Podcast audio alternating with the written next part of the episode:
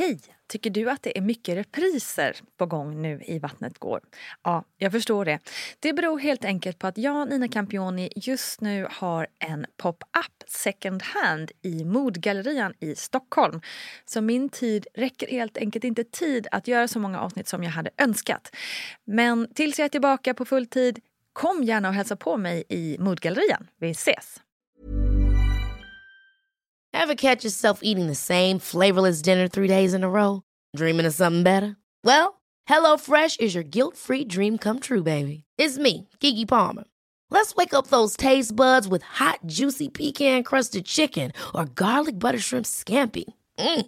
Hello Fresh. Stop dreaming of all the delicious possibilities and dig in at HelloFresh.com. Let's get this dinner party started. A lot can happen in the next three years. Like a chatbot may be your new best friend. But what won't change? Needing health insurance. United Healthcare Tri Term Medical Plans are available for these changing times. Underwritten by Golden Rule Insurance Company, they offer budget friendly, flexible coverage for people who are in between jobs or missed open enrollment. The plans last nearly three years in some states, with access to a nationwide network of doctors and hospitals. So, for whatever tomorrow brings, United Healthcare Tri Term Medical Plans may be for you. Learn more at uh1.com. Quality sleep is essential. That's why the Sleep Number Smart Bed is designed for your ever evolving sleep needs. Need a bed that's firmer or softer on either side? Helps you sleep at a comfortable temperature? Sleep Number Smart Beds let you individualize your comfort so you sleep better together. JD Power ranks Sleep Number number 1 in customer satisfaction with mattresses purchased in-store. And now, save 50% on the Sleep Number limited edition Smart Bed for a limited time. For JD Power 2023 award information, visit jdpower.com/awards. Only at a Sleep Number store or sleepnumber.com. Hey, it's Ryan Reynolds and I'm here with Keith, co-star of my upcoming film If, only in theaters May 17th. Do you want to tell people the big news? All right, I'll do it. Sign up now and you'll get unlimited for $15 a month in 6 months of Paramount Plus Essential Plan on us. Mintmobile.com slash switch. Upfront payment of $45 equivalent to $15 per month. Unlimited over 40 gigabytes per month. Face lower speeds. Videos at 480p. Active Mint customers by 531.24 get six months of Paramount Plus Essential Plan. Auto renews after six months. Offer ends May 31st, 2024. Separate Paramount Plus registration required. Terms and conditions apply if rated PG. Hej, hej, hej kära lyssnare! Den här veckan blir det ett annorlunda Vattnet går när jag nämligen går tillsammans med Gynpodden för att snacka om den fantastiska kvinnokroppen. Välkomna allihopa! Välkomna till dagens avsnitt av Gynpodden som görs i samarbete med Vattnet går. Hej! Hallå! Här är vi med Nina också från Italien. Ja, så himla kul det här. Så jag passar på att välkomna Vattnet går-lyssnarna också då eh, till den här lilla kombinationen av, eh, av våra båda poddar. Jättekul att eh, sitta här, ja, sitta här med er, men sitta där vi är på olika platser Ja, men, med er imponerande kvinnor. ja, men eh, det, jag tycker alltid att det är spännande. Du har ju så otroligt mycket podderfarenhet och eh, träffat så många liksom, personer som har suttit ja, i den situationen där Lydia är nu, höggravid med liksom, eh, funderingar och eh, rädslor och tankar. Och, det blir jättekul att höra lite så här, vad du har fått med dig från alla dina år som du har poddat. Men Helena, vill du kort bara berätta lite Absolut. vilken, eh, vilka vi är, Gynpodden är? Ja, ja men då, då, börjar jag, då börjar jag med att berätta det för Vattnet går-lyssnarna. Ja. Så Gynpodden, vi är ju då en vetenskaplig podd om kvinnohälsa. Jag heter Helena Grafen Lagerkrans och jag är gynekolog och förlossningsläkare. Och jag heter Lydia Graflund och eh, är ekonom och representerar lyssnaren i vår podd. Precis, och vi är systrar. Ja, Och vi, startade Gympodden eh, liksom i, i en, Två år sedan. För två år sedan, i en Mm. längtan verkligen att få komma ut med eh, vetenskaplig information om kvinnokroppen. kroppen. För det är så mycket rykten och myter och svårt att få tag på vetenskaplig fakta. Och då tänkte vi att nu kör vi. Och eh, vi har haft otroligt mycket roliga intressanta gäster i podden. Mm. Så det är vår bakgrund. och bland annat Nina idag. Ja, idag är det Nina. Ja. Och Nina, vill du berätta om Vattnet går för, för de som inte har lyssnat på den podden innan? Exakt, och jag tycker det är så härligt att höra er berätta eh, er ingång på det eftersom vi är väldigt lika i det. Eh, vad vi vill eh, prata om. Och jag startade Vattnet går för åtta år sedan nu. Det är, känns sjukt när man säger det. Eh, och startade den i någon slags både personligt Eh, efter att jag själv hade fött barn och var ganska chockad över eh, upplevelsen och hur man mådde efteråt. Eh, fjärde trimestern var ingenting som överhuvudtaget liksom lyftes på den tiden. Ehm, så jag kände att vi, behöver, vi behöver prata om det här, hur det är på riktigt och vi behöver få också en förklaring till varför det, varför det ser ut som det gör eller vad, vad det är som händer. Så eh, min take är att jag intervjuar eh, mammor om deras olika erfarenheter. Och sen har jag också med eh, barnmorskan Gudrun, Gudrun Abascal som eh, en liten expertkommentator kan man säga. Lite som du agerar också då Helena, liksom, som kommer med expertisen och eh, faktan och ja, liksom råden och hjälpen också liksom, mm. eh, på en kant. Ja, det är en bra så, setup. Ja, mm. så att idag är ju setupen nästan att, att det blir att prata om, eh, ja, men dels om eh, din erfarenhet från alla intervjuer som du har gjort, men tänkte också prata lite om min graviditet och så har vi expertkommentatorn med Helena här. ja, ja. ja mm. jättekul. Bra. Men, det blir härligt hoppas jag. Ja, yes, då kör vi. Men då kör vi igång.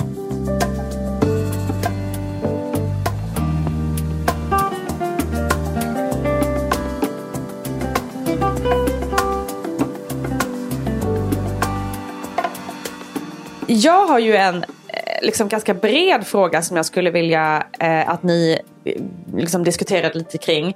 Eh, och den är så här, vad är det ni önskar att eh, varje tjej och kvinna ska veta om sin egna kropp och kanske också, ja vi säger det, egna kroppen. Ni får liksom tolka det hur ni vill.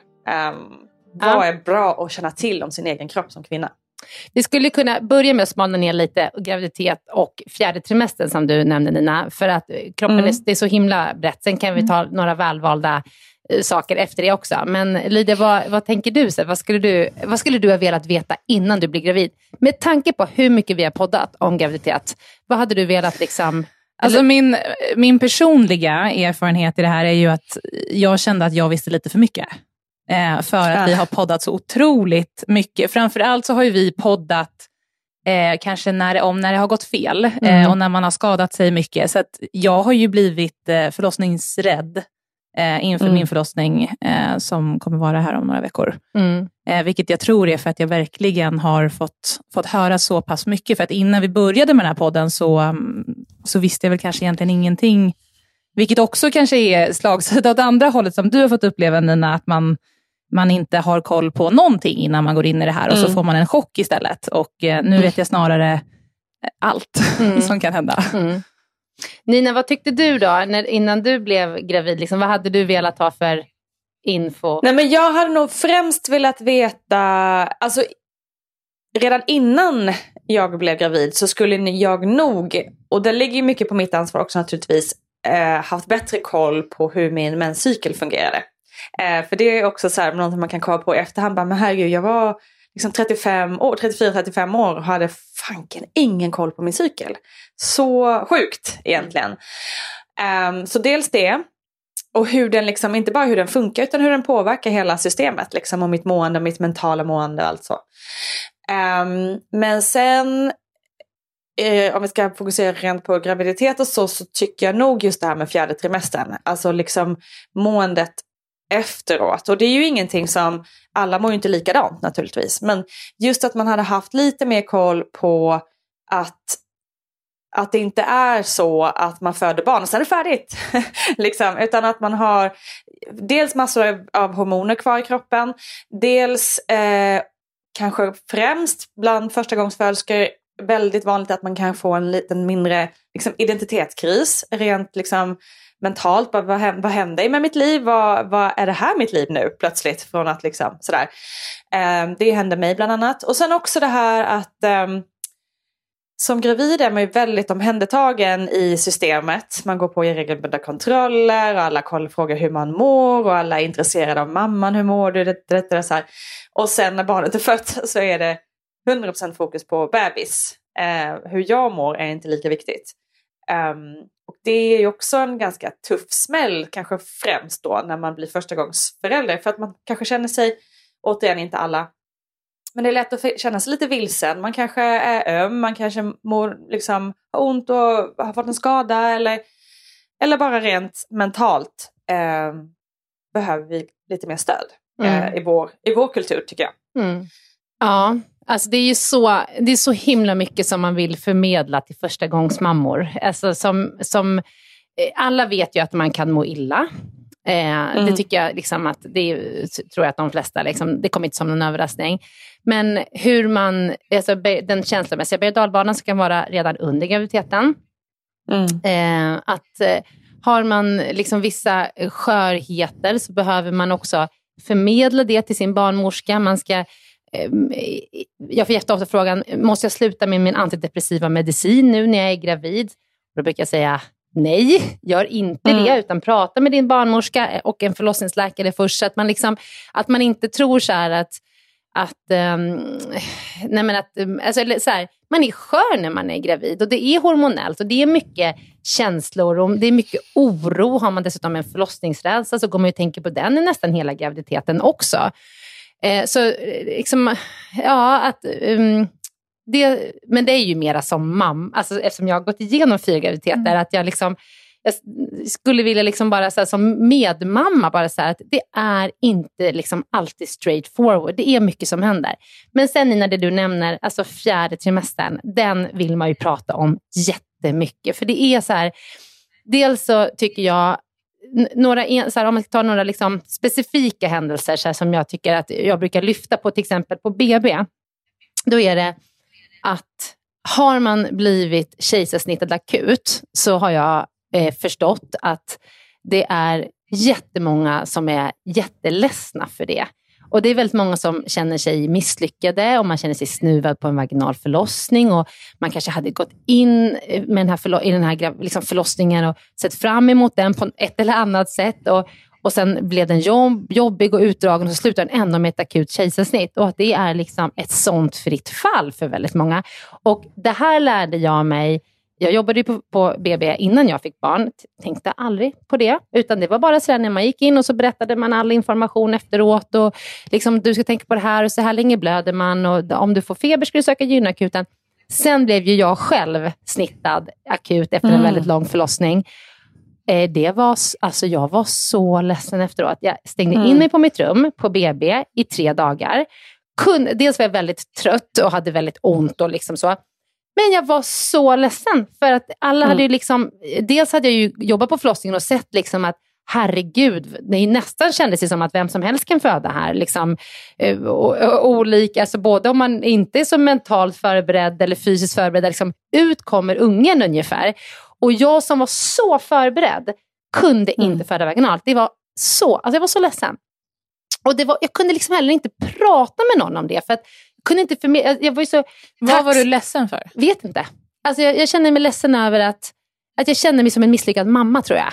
För att du inte genomgick en vaginal Ja. förlossning? Ja, alla andra liksom ploppade ju ut ungar till höger och vänster. Där. De gör ju inte det. Nej, men det är liksom lite så. Och jag Ja. vet också att jag gick ut där från, på tredje dagen så gick jag ut från mitt rum på BB och träffar en mamma som precis har fött tvillingar. Och hon går där med sina tvillingar, de har ju här plastbaljor på BB. Så gick hon med två tvillingar och så tittade jag på henne och sa så här, har du fött dem där vaginalt? Och då sa hon ja. Och då kände jag bara, då bröt jag ihop. Tvillingmorsa och fött dem vaginalt. Och jag kan inte ens få ut en. Men det som var så intressant var att när jag blev utskriven från BB på fjärde dagen, då kommer en överläkare som sen blev min kollega på Danderyd, som jag tycker jätte, jättemycket om. Det här har jag berättat om förut i gympodden. Då kom hon till mig och så sa hon så här, ja, hur mår du? Och alla kontroller var bra. Så här, jag vill bara säga en sak, Helena, sa hon. Eh, du är inte en sämre mamma för att du är snittad. Och jag bara, jaha, okej, det är inte bara jag som känner så här. Mm. Eh, Det var så, liksom, det föll så ner i min, liksom, i min, så här, i min mage. Bara, Okej, det här är en naturlig känsla. Sen den dagen, alla kvinnor som jag har träffat som är akut snittade innan snittet, ibland på B, eller liksom redan på förlossningen, jag säger så här, vi måste liksom bryta här nu, det här går inte längre. Men du ska veta att föda barn med snitt är ett jättebra sätt. Det är ett sätt att föda på av två. Antingen kan man föda vaginalt eller med kejsarsnitt. Och det är ett superbra sätt att föda barn på. Och du är en lika bra och värdig mamma som alla andra. Och jag säger också det på BB till de som jag skriver ut därifrån. Och jag märker ju att många är så här, åh gud vad skönt att du säger det. Så det är liksom en, en helt oförklarlig känsla. För jag menar, man är ju en lika bra mamma ändå. Men den bara fanns där. Så det tycker jag är liksom är så här, man föder barn på olika sätt och alla sätt är lika bra. Och sen det andra som jag också tänker på är att amningen, fy fasiken vad den kan vara jobbig. Och det Mm. är ju inte för en eller annan. Det är ju, majoriteten har ju besvär med amningen initialt, alltså i början.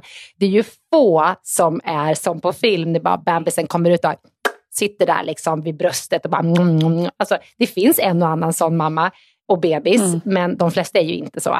Utan amningen är liksom, ta det lugnt, det kommer. För de allra flesta som vill amma så löser det sig. Och om det inte löser sig så finns det jättebra ersättning för bebisar.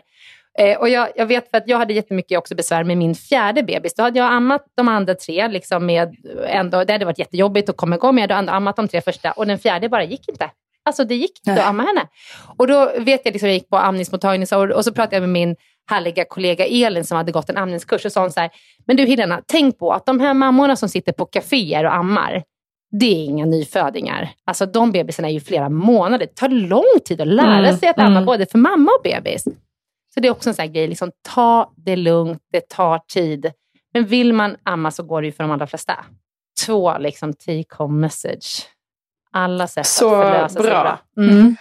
Ja, men jättebra. Det är också någonting vi pratar mycket om i, i Vattnet går också. Eh, just om amningen. Eh, många, många, många som beskriver precis det där som du säger. Och också även, även liksom, dels de som haft liksom, riktiga problem och nästan aldrig kommit igång med amningen och, och sen då bestämt sig att nej, men nu, nu stoppar vi. Liksom. Men också alla som, där det har funkat väldigt bra men man blir ändå ofta lite chockad över att det är svårare än man tror. Och det gör ont i början också för de allra flesta. Ehm, så att det är också en sån där grej som man eh, gärna kanske väljer att bara inte tänka på så mycket när man är gravid. För man är så fokuserad på förlossningen. Det där Ja. med amning, det, det ska ju bara funka och komma sen. Liksom. Mm, exakt. Ehm, Och sen Så tror man att det är, alltså tror man också att det går, att det är helt, alltså det är så naturligt att amma. Man tror liksom att det bara ska, det ska bara funka liksom. Men så är det ju inte. Det tar ju flera dagar innan bröstmjölken kommer till och med liksom. Utan i början är det ju bara pyttelite mjölk som är där.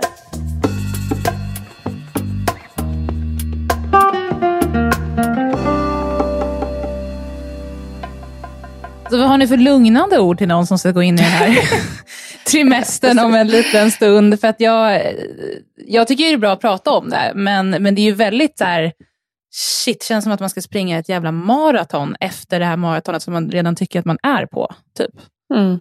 Fast jag tycker att, att, alltså, jag tycker att fjärde trimestern är liksom som inbäddad i liksom ett rosa moln. Att det ska vara så här, bebisen kommer, sen åker ni hem och det nu är ska inte ni... det jag fått bli matad med de senaste två åren. Nej, men det, är, men, men det är ju så det är mycket liksom på Instagram och på alltså, sociala medier och i filmer. Ja. Liksom, att allting bara sitter där. Du, Allt är så bara- lyckligt. Allt är så lyckligt och man bara myser hela dagarna. Och, liksom, och det är ju, alltså, det är ju eh, inslag av det också såklart. Men inte bara. Och jag tänker liksom att det bara, man ska veta att det är ungefär samma för alla. Mm. Eh, och att det går upp och ner. Och sen också... att, Men kan vi eh, inte prata lite om det som är mysigt också? För att, Jo, för att. Men det, det som jag det här är det som händer när man med pratar liksom, i det här att man, för det jag kände var ju att man blev liksom Eh, innan jag fick barn så var det väldigt mycket det här med det rosa, att man skulle, få, känna, man skulle känna en öronbedövande kärlek. Det första som, när- så fort man såg sin bebis så skulle man bara, det här har jag aldrig känt i hela mitt liv, jag älskar det här. Jag är liksom, man blir helt överväldigad av hur mycket kärlek som skulle komma in i det här rummet med den här bebisen. Eh, och så var det inte för mig och så är det inte för väldigt många. Och det, eh, precis som du var inne på det här med att man blir snuvad på en vag- vaginal förlossning inom situationstecken. Eh, så var det lite med den känslan för att jag visste inte att det faktiskt var okej att inte känna den här liksom dundrande kärleken direkt. Utan den fick ta sin tid. Men eftersom inte den kom direkt så tänkte jag också så. Nej men okej, det är något fel på mig. Eh, vad, eh, är jag en dålig mamma? Eh, varför är alla andra så lyckliga? Varför, liksom, vad, är det, vad är det som är fel på mig helt enkelt? Mm. Så, så just det tror jag är så himla viktigt att få med sig. Att man är inte misslyckad. Man, det är inte det att man inte älskar sitt barn. Det är bara det att man är helt ny i det här. Och liksom får se en helt ny varelse som tydligen är min. Och så är man liksom så här. Eh, det kan vara en förvirrande tid den här första tiden. Mm. Men. men- ja, förlåt, vad vill Nej, du säga? Precis, men kör du. Men det är ju också såklart jätte, jättemysigt att ha en, liksom, en liten, liten, liten sak som precis har varit inne i min kropp och nu ligger den ute på bröstet och bara sover och gosar och, go och liksom. eh, Det, det, det, det kan jag nästan inte prata om utan att få tårar i ögonen. Så det är ju en otroligt fantastisk magisk tid också. Um, men det, jag tror det viktiga är att man liksom är, kan vara snäll mot sig själv och det man känner och acceptera att allting inte är ett rosa skimmer. Men att det kommer och ger lite tid, Mm. tror jag. Men jag, alltså det är ju, jag tycker att det är, helt, det är ju helt otroligt. Det är ju att liksom, eh, så första gången man ska åka hem från BB och så man bara, ska vi ta med oss henne nu? Litar ni på att vi fixar det här? Liksom? Det, Mm. Och sen så komma hem där och så har man ju ofta ställt, alltså man kanske har bäddat och gjort lite ordning och sen så, jag kommer ihåg liksom att Fredrik och jag, så la vi ner den där lilla, lilla personen i sin säng och så stod vi där och tittade och så bara, vad gör vi nu? Vad, vad, ska, vi, ska vi äta eller vad? Liksom, det var så här, det är ju... Var det Agnes eller? Ja, det var Agnes Första. Mm. första. Det var helt surrealistiskt på ett helt otroligt sätt. Alltså det är ju Mm. sån berg och dalbana i känslor. Alltså det är ju, man har ju aldrig varit lyckligare, man har aldrig varit skörare. Man har aldrig, all, alla känslor är liksom ytterligheter. Man är jätteorolig, men man är också jättekär i liksom allt. Och Mm. Det är livet. Och det är otroligt speciellt. Eh, och jag ju, men jag tycker ju att det är nästan bara det man pratar om, hur otroligt det är. Liksom. Det är därför som jag tror att både du och jag, Nina, te, liksom, vill lyfta att ja, men det är otroligt, men det är inte bara otroligt fantastiskt, det är också otroligt jobbigt Nej. ibland. Mm. Men eh, ja, det... Ja, Lydia. You wait and see. Ja, så himla spännande. Vilken, Ja. vilken vecka är du nu i? Eh, Just nu när vi spelar in det här så är jag vecka 35. Okej, så Mm. det börjar verkligen närma sig. Ja, det börjar verkligen närma sig. Så- Och jag, alltså bara reflektion på, på det ni säger. Jag tror att det är jättebra. Jag tror bara Helena att vi har, har adresserat väldigt mycket problem. Ja. Eh, så att det blir Ja. att jag vill också så här, men det, det är bra då. Ja. det, är- att det är mysigt och att man känner kärlek och hela den delen. Det där är ju så himla viktigt. Jag, jag fick faktiskt lite feedback av det från eh, lite lyssnare. Eh, efter några år att jag hade kört podden så blev ju jag, eftersom ehm, jag vill ju lyfta massor av olika sätt Mm. att föda och olika komplikationer men också liksom, ja, men alla möjliga olika så att man ska få en, liksom en, en så bred bild som möjligt. Men till slut när jag hade gjort det några år så blev det ju för mig mer intressant att prata med kvinnor som har varit med om något kanske Mm. ganska ovanligt eller Mm. något så här. Så jag började grotta in mig i, i liksom saker där det faktiskt hade gått, men allting har gått bra till slut. Men problematik liksom. Och efter ett tag så var det några lyssnare som bara, det skulle vara skönt om det kunde komma ett helt vanligt avsnitt. Mm. Där det liksom inte händer någonting särskilt alls. Eh, och det är ju egentligen de allra flesta. Men liksom, bara för att man själv hade det här liksom, lite journalisttänket och liksom, så blev det ju att man valde att prata om just liksom, de här lite kanske spännande inom situationstecken Ja, Mm. exakt. sakerna. Ehm, men det är ju så himla viktigt naturligtvis att även en, liksom, en helt liksom, problemfri och liksom, ABC-förlossning så att säga också får höras och synas. Ehm, Mm. Men Jag tycker, det absolut bästa som har hjälpt mig i min förlossningsrädsla, det är ju att prata med vår barnmorska Karin, om, som älskat sina förlossningar och tyckte att det var det bästa hon har gjort någonsin och vill bara göra det igen. Alltså även om så här, det är Ja. inte så för alla, så känner man bara, åh, gud vad härligt Så att höra. härligt. Ja. Ja. Mm. Ja, Exakt, och, hon- det är superviktigt. För det är ju ändå, alltså, de allra, liksom, ja det vet vi att när- i stort sett alla förlossningar går ju egentligen bra. Eh, sen kan det hända saker på vägen som, som gör det svårare eller, eller inte. Men, men det blir ju bra. Mm. Det blir ju det. Mm. Och eh, så tänker jag också att ba, alltså, vissa saker, om man har en sjukdom, sjukdom under graviditeten eller man kanske blir inlagd eller man, så här, det är ju också lyckade graviditeter och förlossningar, även fast det blir lite bumps on, on the way. Mm. Liksom, så att man också tänker att så här, men så här blev min graviditet eller så här Mm. blev min förlossning. Men det blev bra. Men hur, hur tänkte ni inför er första förlossning? För jag känner ju fortfarande att det känns så här, herregud gud, ska jag gå igenom det här om typ fem veckor? Antagligen sex veckor eftersom alla i vår familj har varit sena. eh, alltså jag, jag, kan fortfarande inte se riktigt hur det ska gå till. Hur, hur, hur, kände ni inför det? Ja, jag hade jobbat på förlossningen. Mm. Eh, jag var inte alls rädd. Nej. Jag var inte det. Jag kände att, eh, men jag kanske var lite åt andra hållet. Jag tyckte liksom att det skulle bli spännande att få vara mm. med och se hur, hur är det liksom, hur känns det? Och, och jag tänkte också, för jag såg ju liksom, är det riktigt, riktigt jobbigt, blir riktigt, riktigt utdraget, så här, en epidural, en ryggbedövning, för de allra flesta så tar ju den så fantastiskt bra. Man kan ju sova en liten stund, hade jag ju sett flera gånger. Så jag var mm. liksom ganska så här, kände mig väldigt trygg och jag tycker också att det är otroligt kompetent personal på förlossningen. Jag kände mig liksom jag, jag kanske förskönar det här nu i efterhand. Det har ju gått liksom 12-13 år. Men, men jag kan inte komma ihåg att jag hade någon stark rädsla. Mm. Hur känner du Nina? Nej, jag var också, inför första förlossningen var jag också väldigt peppad. Jag såg det som någon slags, eh, men typ jag har spelat fotboll i, halva mitt liv så jag var verkligen så här, det är ju typ, alltså jag laddade så liksom. Så här, som, som att det var en sport, Tagga till liksom. match jag skulle gå mm. liksom.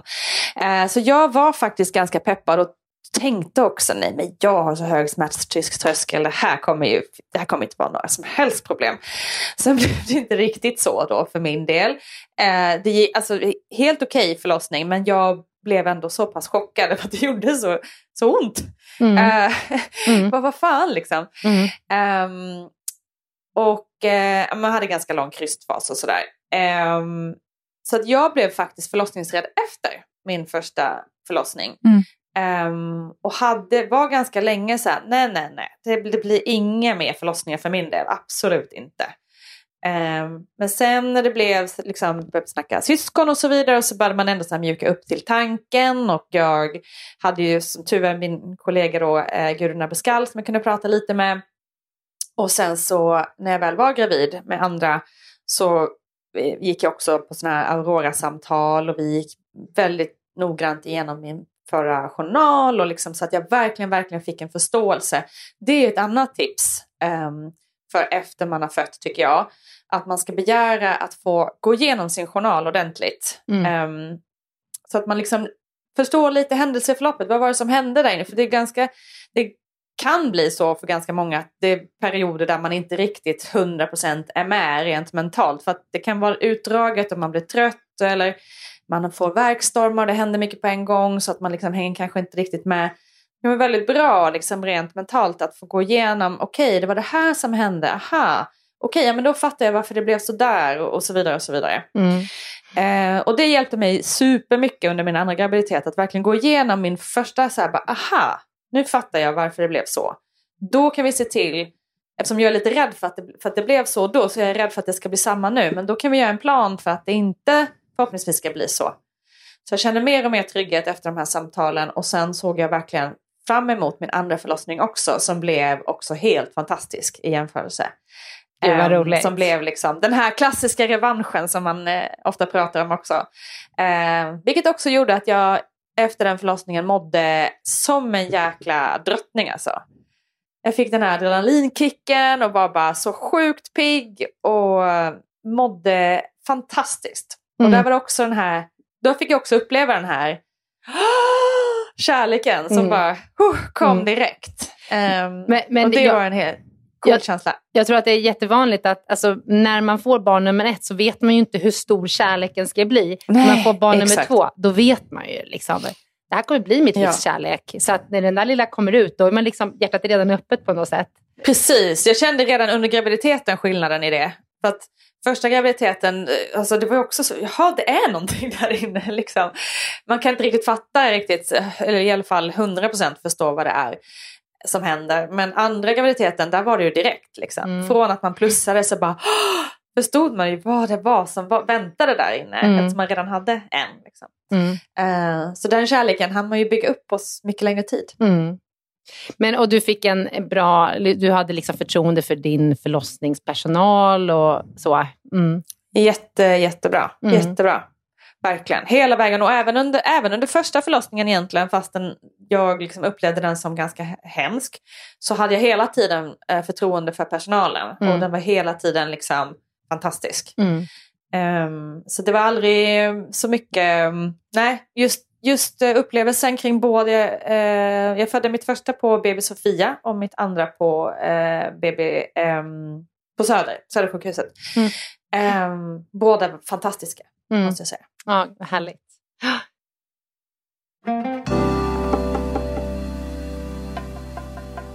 Men Lydia, alltså, hur, hur mår du nu och liksom, hur har det varit att vara gravid nu? Och du håller på med en startup och allt möjligt. Hur, hur tänker du kring allt det? Liksom? Ja, men de, de första fyra månaderna så mådde jag väldigt illa. Eh, kräktes mm. nästan varje dag och eh, var ganska sängliggande. Alltså käkade ju Lergigan på rullande mm. band eh, hela tiden. Jag tyckte, jag tyckte det var fruktansvärt. Alltså mentalt så tyckte jag det var det eh, jättejobbigt. Det var också vinter. Det kändes som att man bara var en björn i ide och mådde dåligt mm. liksom, eh, hela tiden.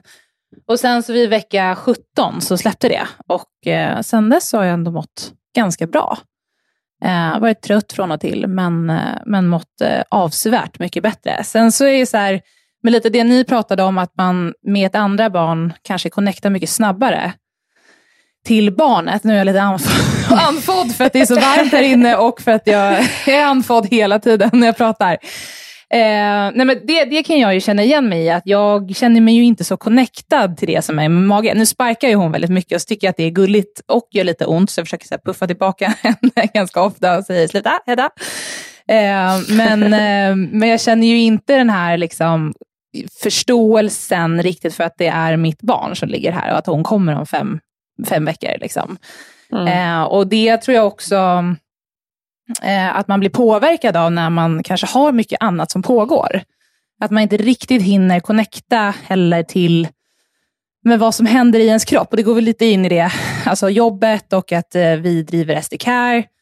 Eh, och eh, att man inte riktigt kan koppla bort det. Jag tror att om jag hade varit på, om jag hade haft en vanlig anställning så tror jag kanske att man hade sjukskrivit sig lite grann, eller man hade liksom, mm. När man har mått som sämst i alla fall, så att man hinner kanske tune in lite mer med sig själv eh, än vad man mm. har gjort hittills. Jag går ganska mycket in i min så här, hårda rationella sida och är mer så här, nu ska vi lösa alla de här sakerna innan jag går på mammaledighet och nu ska vi göra det här och det här och det här.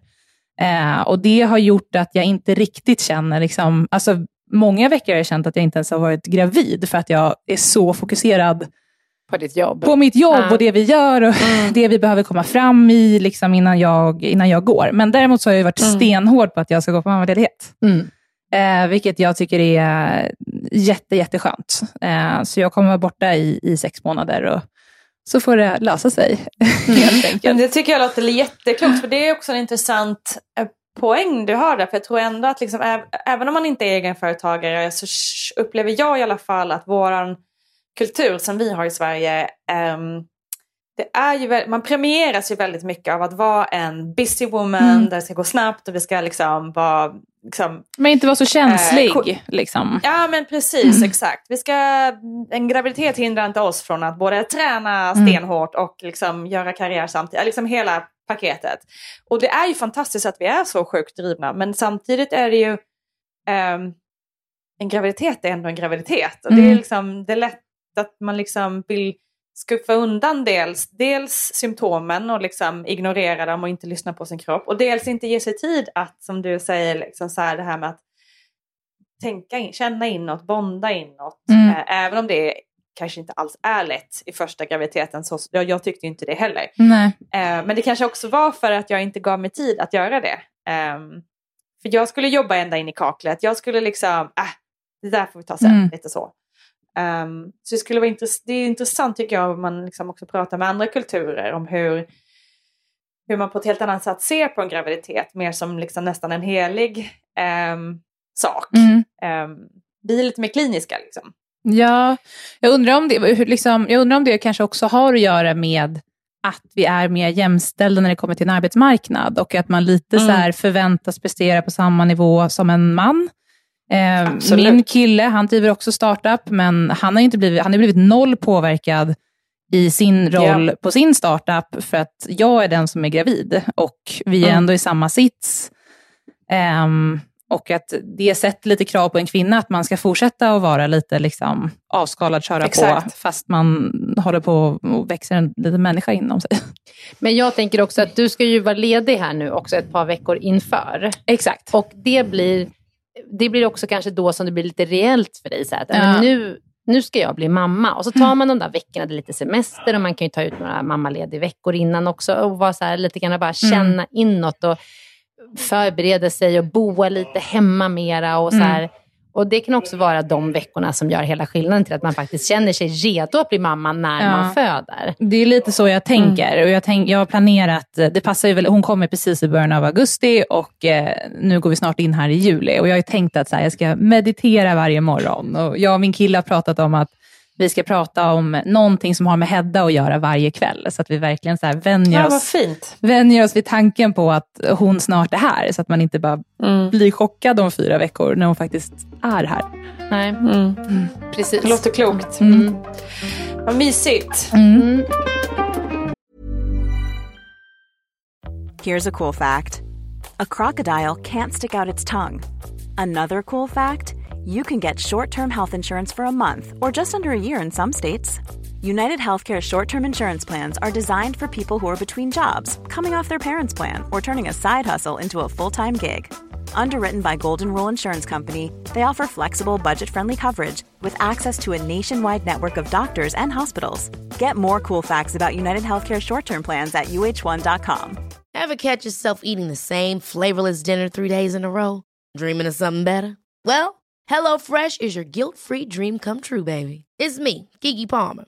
Let's wake up those taste buds with hot, juicy pecan-crusted chicken or garlic butter shrimp scampi. Mm. Hello Fresh.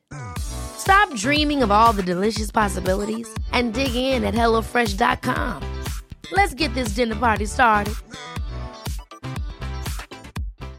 Here's a cool fact a crocodile can't stick out its tongue. Another cool fact you can get short term health insurance for a month or just under a year in some states. United Healthcare short term insurance plans are designed for people who are between jobs, coming off their parents' plan, or turning a side hustle into a full time gig. Underwritten by Golden Rule Insurance Company, they offer flexible, budget friendly coverage with access to a nationwide network of doctors and hospitals. Get more cool facts about United Healthcare short term plans at uh1.com. Imagine the softest sheets you've ever felt. Now imagine them getting even softer over time. That's what you'll feel with Bowl and Branch's organic cotton sheets. In a recent customer survey, 96% replied that Bowl and Branch sheets get softer with every wash. Start getting your best night's sleep in these sheets that get softer and softer for years to come. Try their sheets with a 30-night guarantee. Plus, get 15% off your first order at bowlandbranch.com. Code BUTTERY. Exclusions apply. See site for details. Hey Dave, Yeah, Randy. since we founded Bombus, we've always said our socks, underwear, and t shirts are super soft. Any new ideas? Maybe sublimely soft. Or disgustingly cozy? Wait, what? I got it. Bombus. Absurdly comfortable essentials for yourself And for those facing homelessness. because one purchased equals one donated. Wow, did we just write an ad? Yes. Bombas. Big comfort for everyone. Go to bombas.com slash ACAST and use code ACAST for 20% off your first purchase.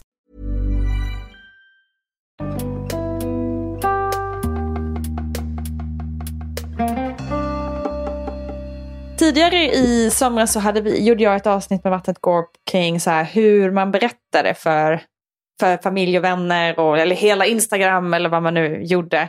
Eh, det är ganska kul att höra olika historier. Hur, hur gjorde du när du skulle berätta för andra? Jag berättade för familj eh, ganska snabbt. Jag blev gravid i november och så berättade vi på julafton när vi satt där runt stora bordet allihopa på, på julaftonsmiddagen. Eh, Ah, och så berättade julklapp. vi, ja, jag har ju 13 syskonbarn och så sa vi att Oh, shit, eh, det är 13 syskonbarn här men det finns även ett till barn här. Och så, jag vet inte om alla förstod direkt. När gör vi det tror jag. Jag visste ju innan. Ja, du visste Ja. ju, för vi hade gjort ett litet Ja. ultraljud på, Mm. på Danderyd innan. Mm.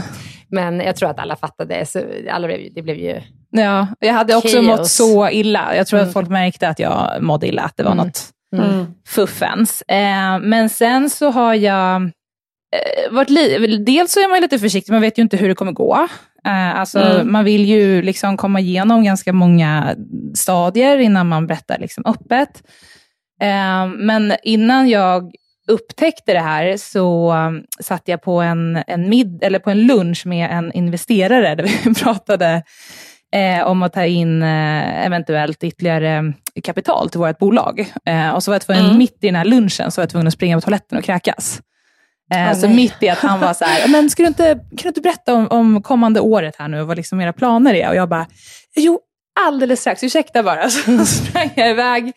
Eh, vi var på Brillo och så stod jag där inne och kräktes och så började jag inse så här, det här skulle kunna vara att, att jag är gravid och så kommer jag tillbaka och sen så fortsatte vi den här lunchen. Eh, och det var någonting som jag reflekterade över, att gud vad, eh, vad kvinnor behöver alltså så här, Ah. stå ut med, att man ska gå igenom de här grejerna och sen så börjar det allt illamående. Och så har ju vi varit, det har varit mycket liksom tillfällen där man dels av personliga skäl inte velat berätta, för man just inte vet kanske hur det ska gå under graviditeten. Man är ju väldigt ödmjuk de första, man är ju det hela Mm. vägen, men framförallt skulle jag säga de första 20 veckorna så är man ju ganska så försiktig med att opta in att det här faktiskt kommer bli ett barn, för man vet ju fortfarande inte riktigt hur det kommer gå. Det är så mycket som kan hända. Eh, men också ur ett, eh, ur ett jobbperspektiv. Att så här, ja, men funderat över vem, vem vill investera i- ett bolag Mm. där liksom vdn och en av grundarna ska gå på mammaledighet och få en bebis. Alltså det är ändå, Mm. det är klart att det påverkar hur mycket tid man har att lägga på det här eh, under Mm, kommande mm. året. Liksom. Eh, men jag tycker att, och jag tror kanske att Sverige är eventuellt unika i det här fallet, men jag, jag, jag har liksom inte sen Sen vi har pratat om det öppet, och nu har vi ju ett starkt team runt omkring och vi har kommit en bra bit på vägen, men jag, jag upplever inte att det har varit, att det har setts negativt på. Um, det är klart att det påverkar vissa tidsplaner och så här, men jag tycker också att vi har en, vi har en bra miljö i Sverige. Sen så kan det ju vara också att vi driver ett kvinnovårdsbolag Ja, gud. kan bidra till det. Ja. Ja, det får- ja, det är ju, hade varit helt oacceptabelt om det blivit något snack om att du skulle gå på föräldraledighet. Nej, ja, eller, att, eller att man liksom skulle bli... För jag, för jag har även vänner som driver eh, startupbolag som inte tar föräldraledighet överhuvudtaget, för att det har liksom inte gått. Det har inte gått och de Mm. har inte kunnat Mm. eh, ta in någon ersättare under tiden som de i så fall ehm, skulle vara borta. Och det har ju, jag har ju sett vad det har gjort. Mm. Eh, och det är ju inte heller så här, i det långa loppet blir ju inte det mer gjort. Nej. Eh, alltså på, Nej, nej, exakt. på, för att man bränner ju ut Ja. kvinnan. Alltså då, Mm, då ska hon mm. både vara mamma och ha den här karriären, alltså göra allt. Mm. Eh, och det um, går inte så Nej. bra. Nej. Det är bra att du tänkte. Du har varit jättenoggrann med det hela tiden. Du tänker vara ledig minst sex månader. Ja, Mm. och sen lite beroende på hur jag mår så kanske jag kan eh, engagera mig tidigare. Men jag har Mm. varit väldigt så här, haft mycket respekt för, vet inte hur jag kommer må, vet inte hur Nej. Hedda kommer må. Mm. Vi Mm. får se. Klokt. Verkligen. Mm. Ja. Ja, Mm. Härligt. Mm. Vi får återkomma till det här efter ehm, eh, din förlossning. blir spännande. Får se. Ja, Ja. när vi släpper det här så har hon ju antagligen kommit. Eller Mm. kommer precis då. För vi Mm. spelar in lite i förväg. Mm. Eh, så Ja. vi, kan vi prata om det då. Mm. Mm. Jättespännande.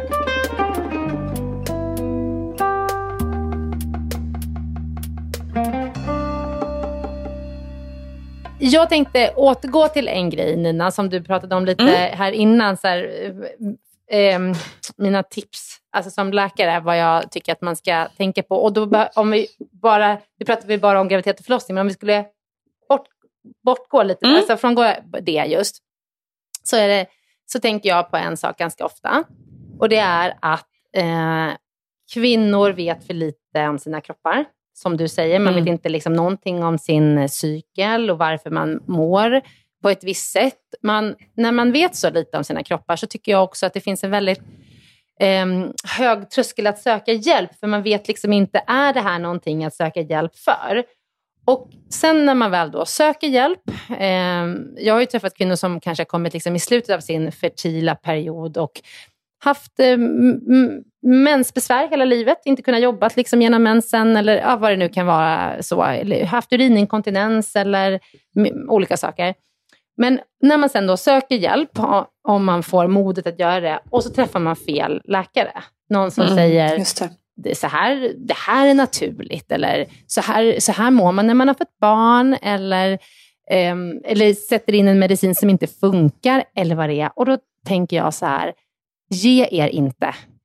Alla läkare, alla gynekologer kan inte allt. Vi är liksom också nischade ganska fort när vi blir specialister inom gynekologi. Så nischas vi liksom till att en del är superduktiga på framfall, andra är superduktiga på eh, IVF och fertilitet, andra är duktiga på hormoner och så vidare. Ge er inte om ni får ett svar som inte hjälper dig. För att det, det är klart så här, nej det finns tillstånd där man inte kan bli helt återställd eller vad det nu kan vara. Det finns liksom vissa sådana.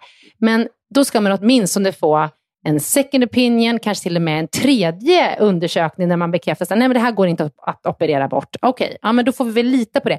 Men att man inte går på ett besök och, och så får man höra att allting är bra och att det är så här det är och sen ger man sig.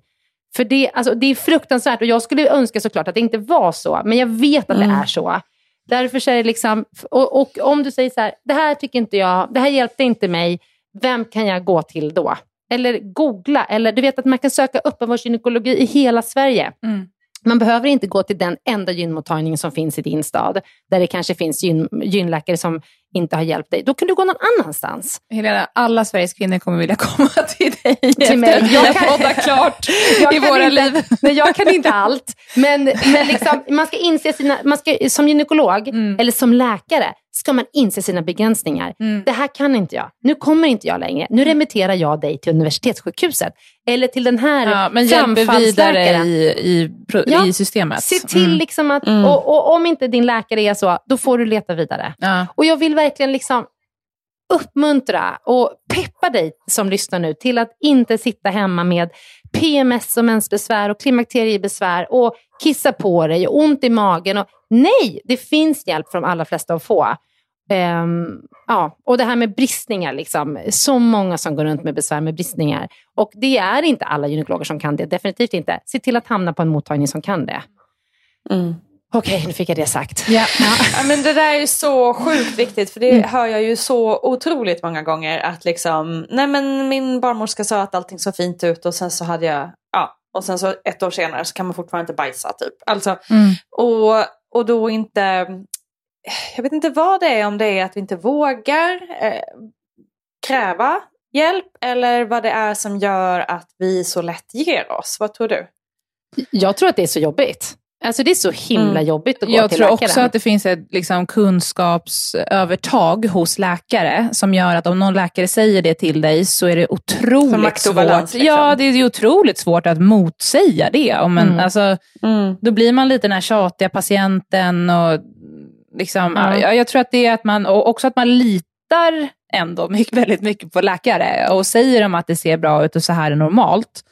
Ja. då tror jag man hoppas också att det ska vara så och så fortsätter man må dåligt. Ja. Mm. Men om man kissar på sig när man springer, det finns det hjälp att få. Ja. för, alltså, och har man ont, då Men man har kanske man... behöver höra det. För, Mm, att, för då kanske man har Mm. träffat en läkare som säger att så här, men så här kan det vara efter att du har fått barn och det har Ja. gått några år. Ja. Och sen så bara, okej då Mm. är det så här. Och så får man ha en binda i varje gång man går ut och springer. Och försöker man hitta andra lösningar, Mm. workarounds. Liksom. Men, men när, de går till barn, när man går till barnmorska efter en förlossning, det gör man ju ganska snabbt efter förlossningen, då är det ju bara så här, då tittar man ju egentligen bara, man liksom så här, ja men det ser liksom välläkt ut, det, alltså, det ser fint ut. Och då kan man inte heller, alltså det är så kort tid efter förlossningen, då kan man inte avgöra om någon har en förlossningsskada. Mm. För att dels har de flesta inte kommit igång och menstruera, så slemhinnorna är ju supertorra och sköra och liksom så här, det, det går liksom inte att utvärdera. Men om det har gått liksom ett år, du har fått tillbaka din mens, du har, eh, du har haft några menstruationer, liksom, har du fortfarande besvär då, då ska man gå till en gynekolog.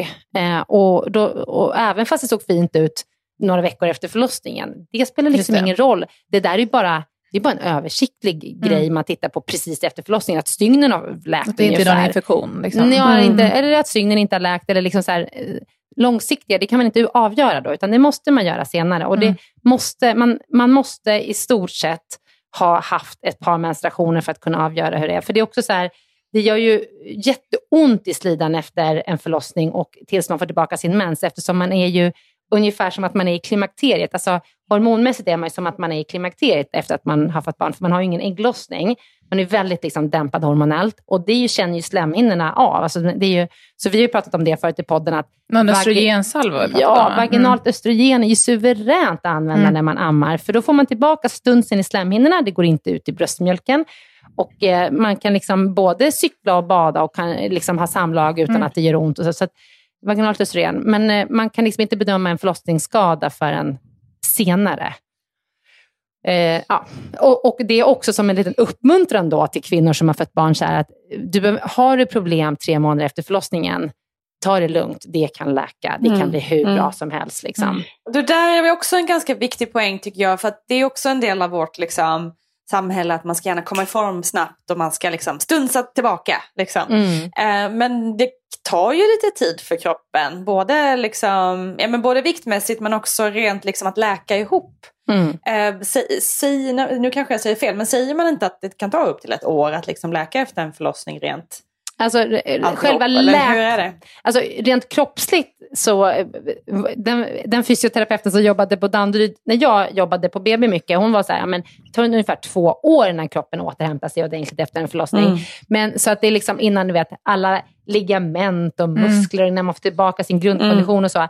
Men eh, rent läkningsmässigt i liksom slidan så tar det ju tar det inte så lång tid. Och slemhinnorna går- läker ju väldigt fort, men sen innan de återfår liksom full funktion, liksom, det kan ta ganska lång tid. Så att, Mm. Eh, ja, men så liksom, ha lite tålamod, känn efter i kroppen, ha lite tillförsikt att det kan bli bättre ända tills ett par menstruationer, liksom, in, i ett, in i ett par menstruationscyklar. Ja, men sen kräv hjälp om man har Absolut. problem. Mm. Mm. Ja. Mm. Och, och be att få en andra eller tredje opinion då Mm, också, mm. om man Ja. inte känner sig nöjd. Ja. Mm. Absolut. Ja. Så bra. Och det är väl också, liksom, jag tänker också det här med eh, just det där att vi, vi har rätt till vård. Att det finns ju liksom en patientlag som säger att vi har rätt till vård. Ehm, så det är väl också bra att få med, tänker jag. Mm. Kanske kan stärka en att liksom man har det i ryggen. Mm. Vi har rätt till vård. Ja. Och, Ja. och det du säger Nina också, så här, att man känner sig så omhändertagen på, MV, på B, eh, MVC. Men när man har fött barn så är det bara fokus på bebis. Det är ju tyvärr väldigt mycket så. Det är, liksom, och det är ju det mamman vill också. Det är inte som att man, liksom, man fokuserar ju inte jättemycket på sig själv när man har fått sitt barn, utan det är ju mycket bebis. Liksom. Men, men eh, det, när man ber om hjälp så måste man få det. Ja precis, jag skulle ändå önska att det fanns någon slags, för det, det finns ju också väldigt mycket som säger att liksom, happy parent, happy baby. Liksom, eller att om mamman mår bra så, så är det mycket enklare också att ge kärlek och all näring som barnet behöver.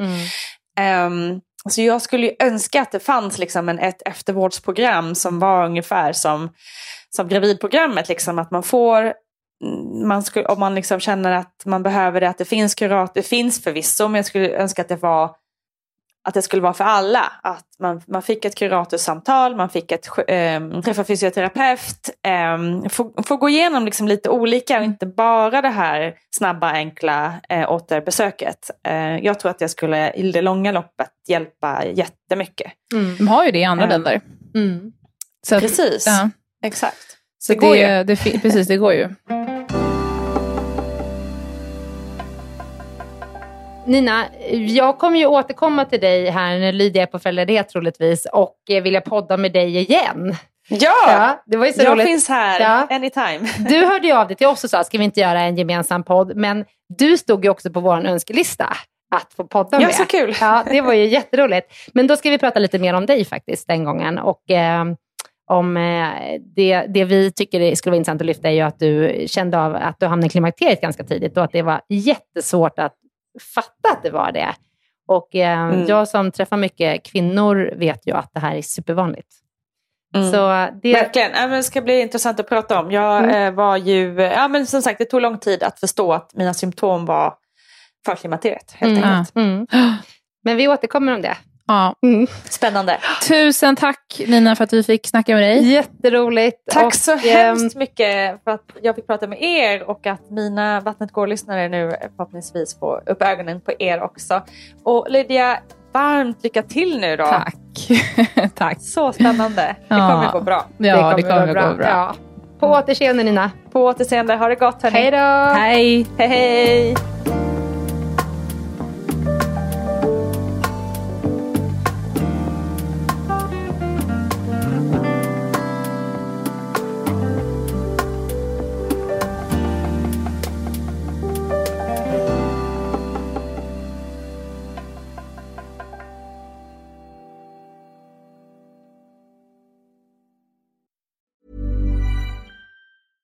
Hey, it's Paige DeSorbo from Giggly Squad. High quality fashion without the price tag. Say hello to Quince. I'm snagging high-end essentials like cozy cashmere sweaters, sleek leather jackets, fine jewelry, and so much more. With Quince being 50 to 80% less than similar brands. And they partner with factories that prioritize safe, ethical, and responsible manufacturing. I love that. Luxury quality within reach. Go to quince.com slash style to get free shipping and 365 day returns on your next order. Quince.com slash style. Ever catch yourself eating the same flavorless dinner three days in a row?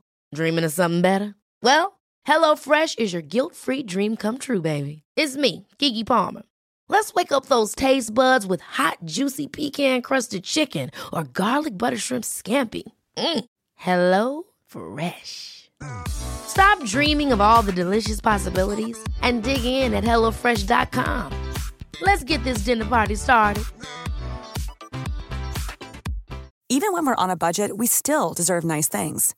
Quince is a place to scoop up stunning high-end goods for 50 to 80% less than similar brands. They have buttery soft cashmere sweaters starting at $50, luxurious Italian leather bags, and so much more. Plus, Quince only works with factories that use safe, ethical, and responsible manufacturing. Get the high-end goods you'll love without the high price tag with Quince. Go to quince.com/style for free shipping and 365-day returns. Imagine the softest sheets you've ever felt. Now imagine them getting even softer over time. That's what you'll feel with Bowl and Branch's organic cotton sheets. In a recent customer survey, 96% replied that Bowl and Branch sheets get softer with every wash. Start getting your best night's sleep in these sheets that get softer and softer for years to come. Try their sheets with a 30-night guarantee. Plus, get 15% off your first order at bowlandbranch.com. Code BUTTERY. Exclusions apply. See site for details.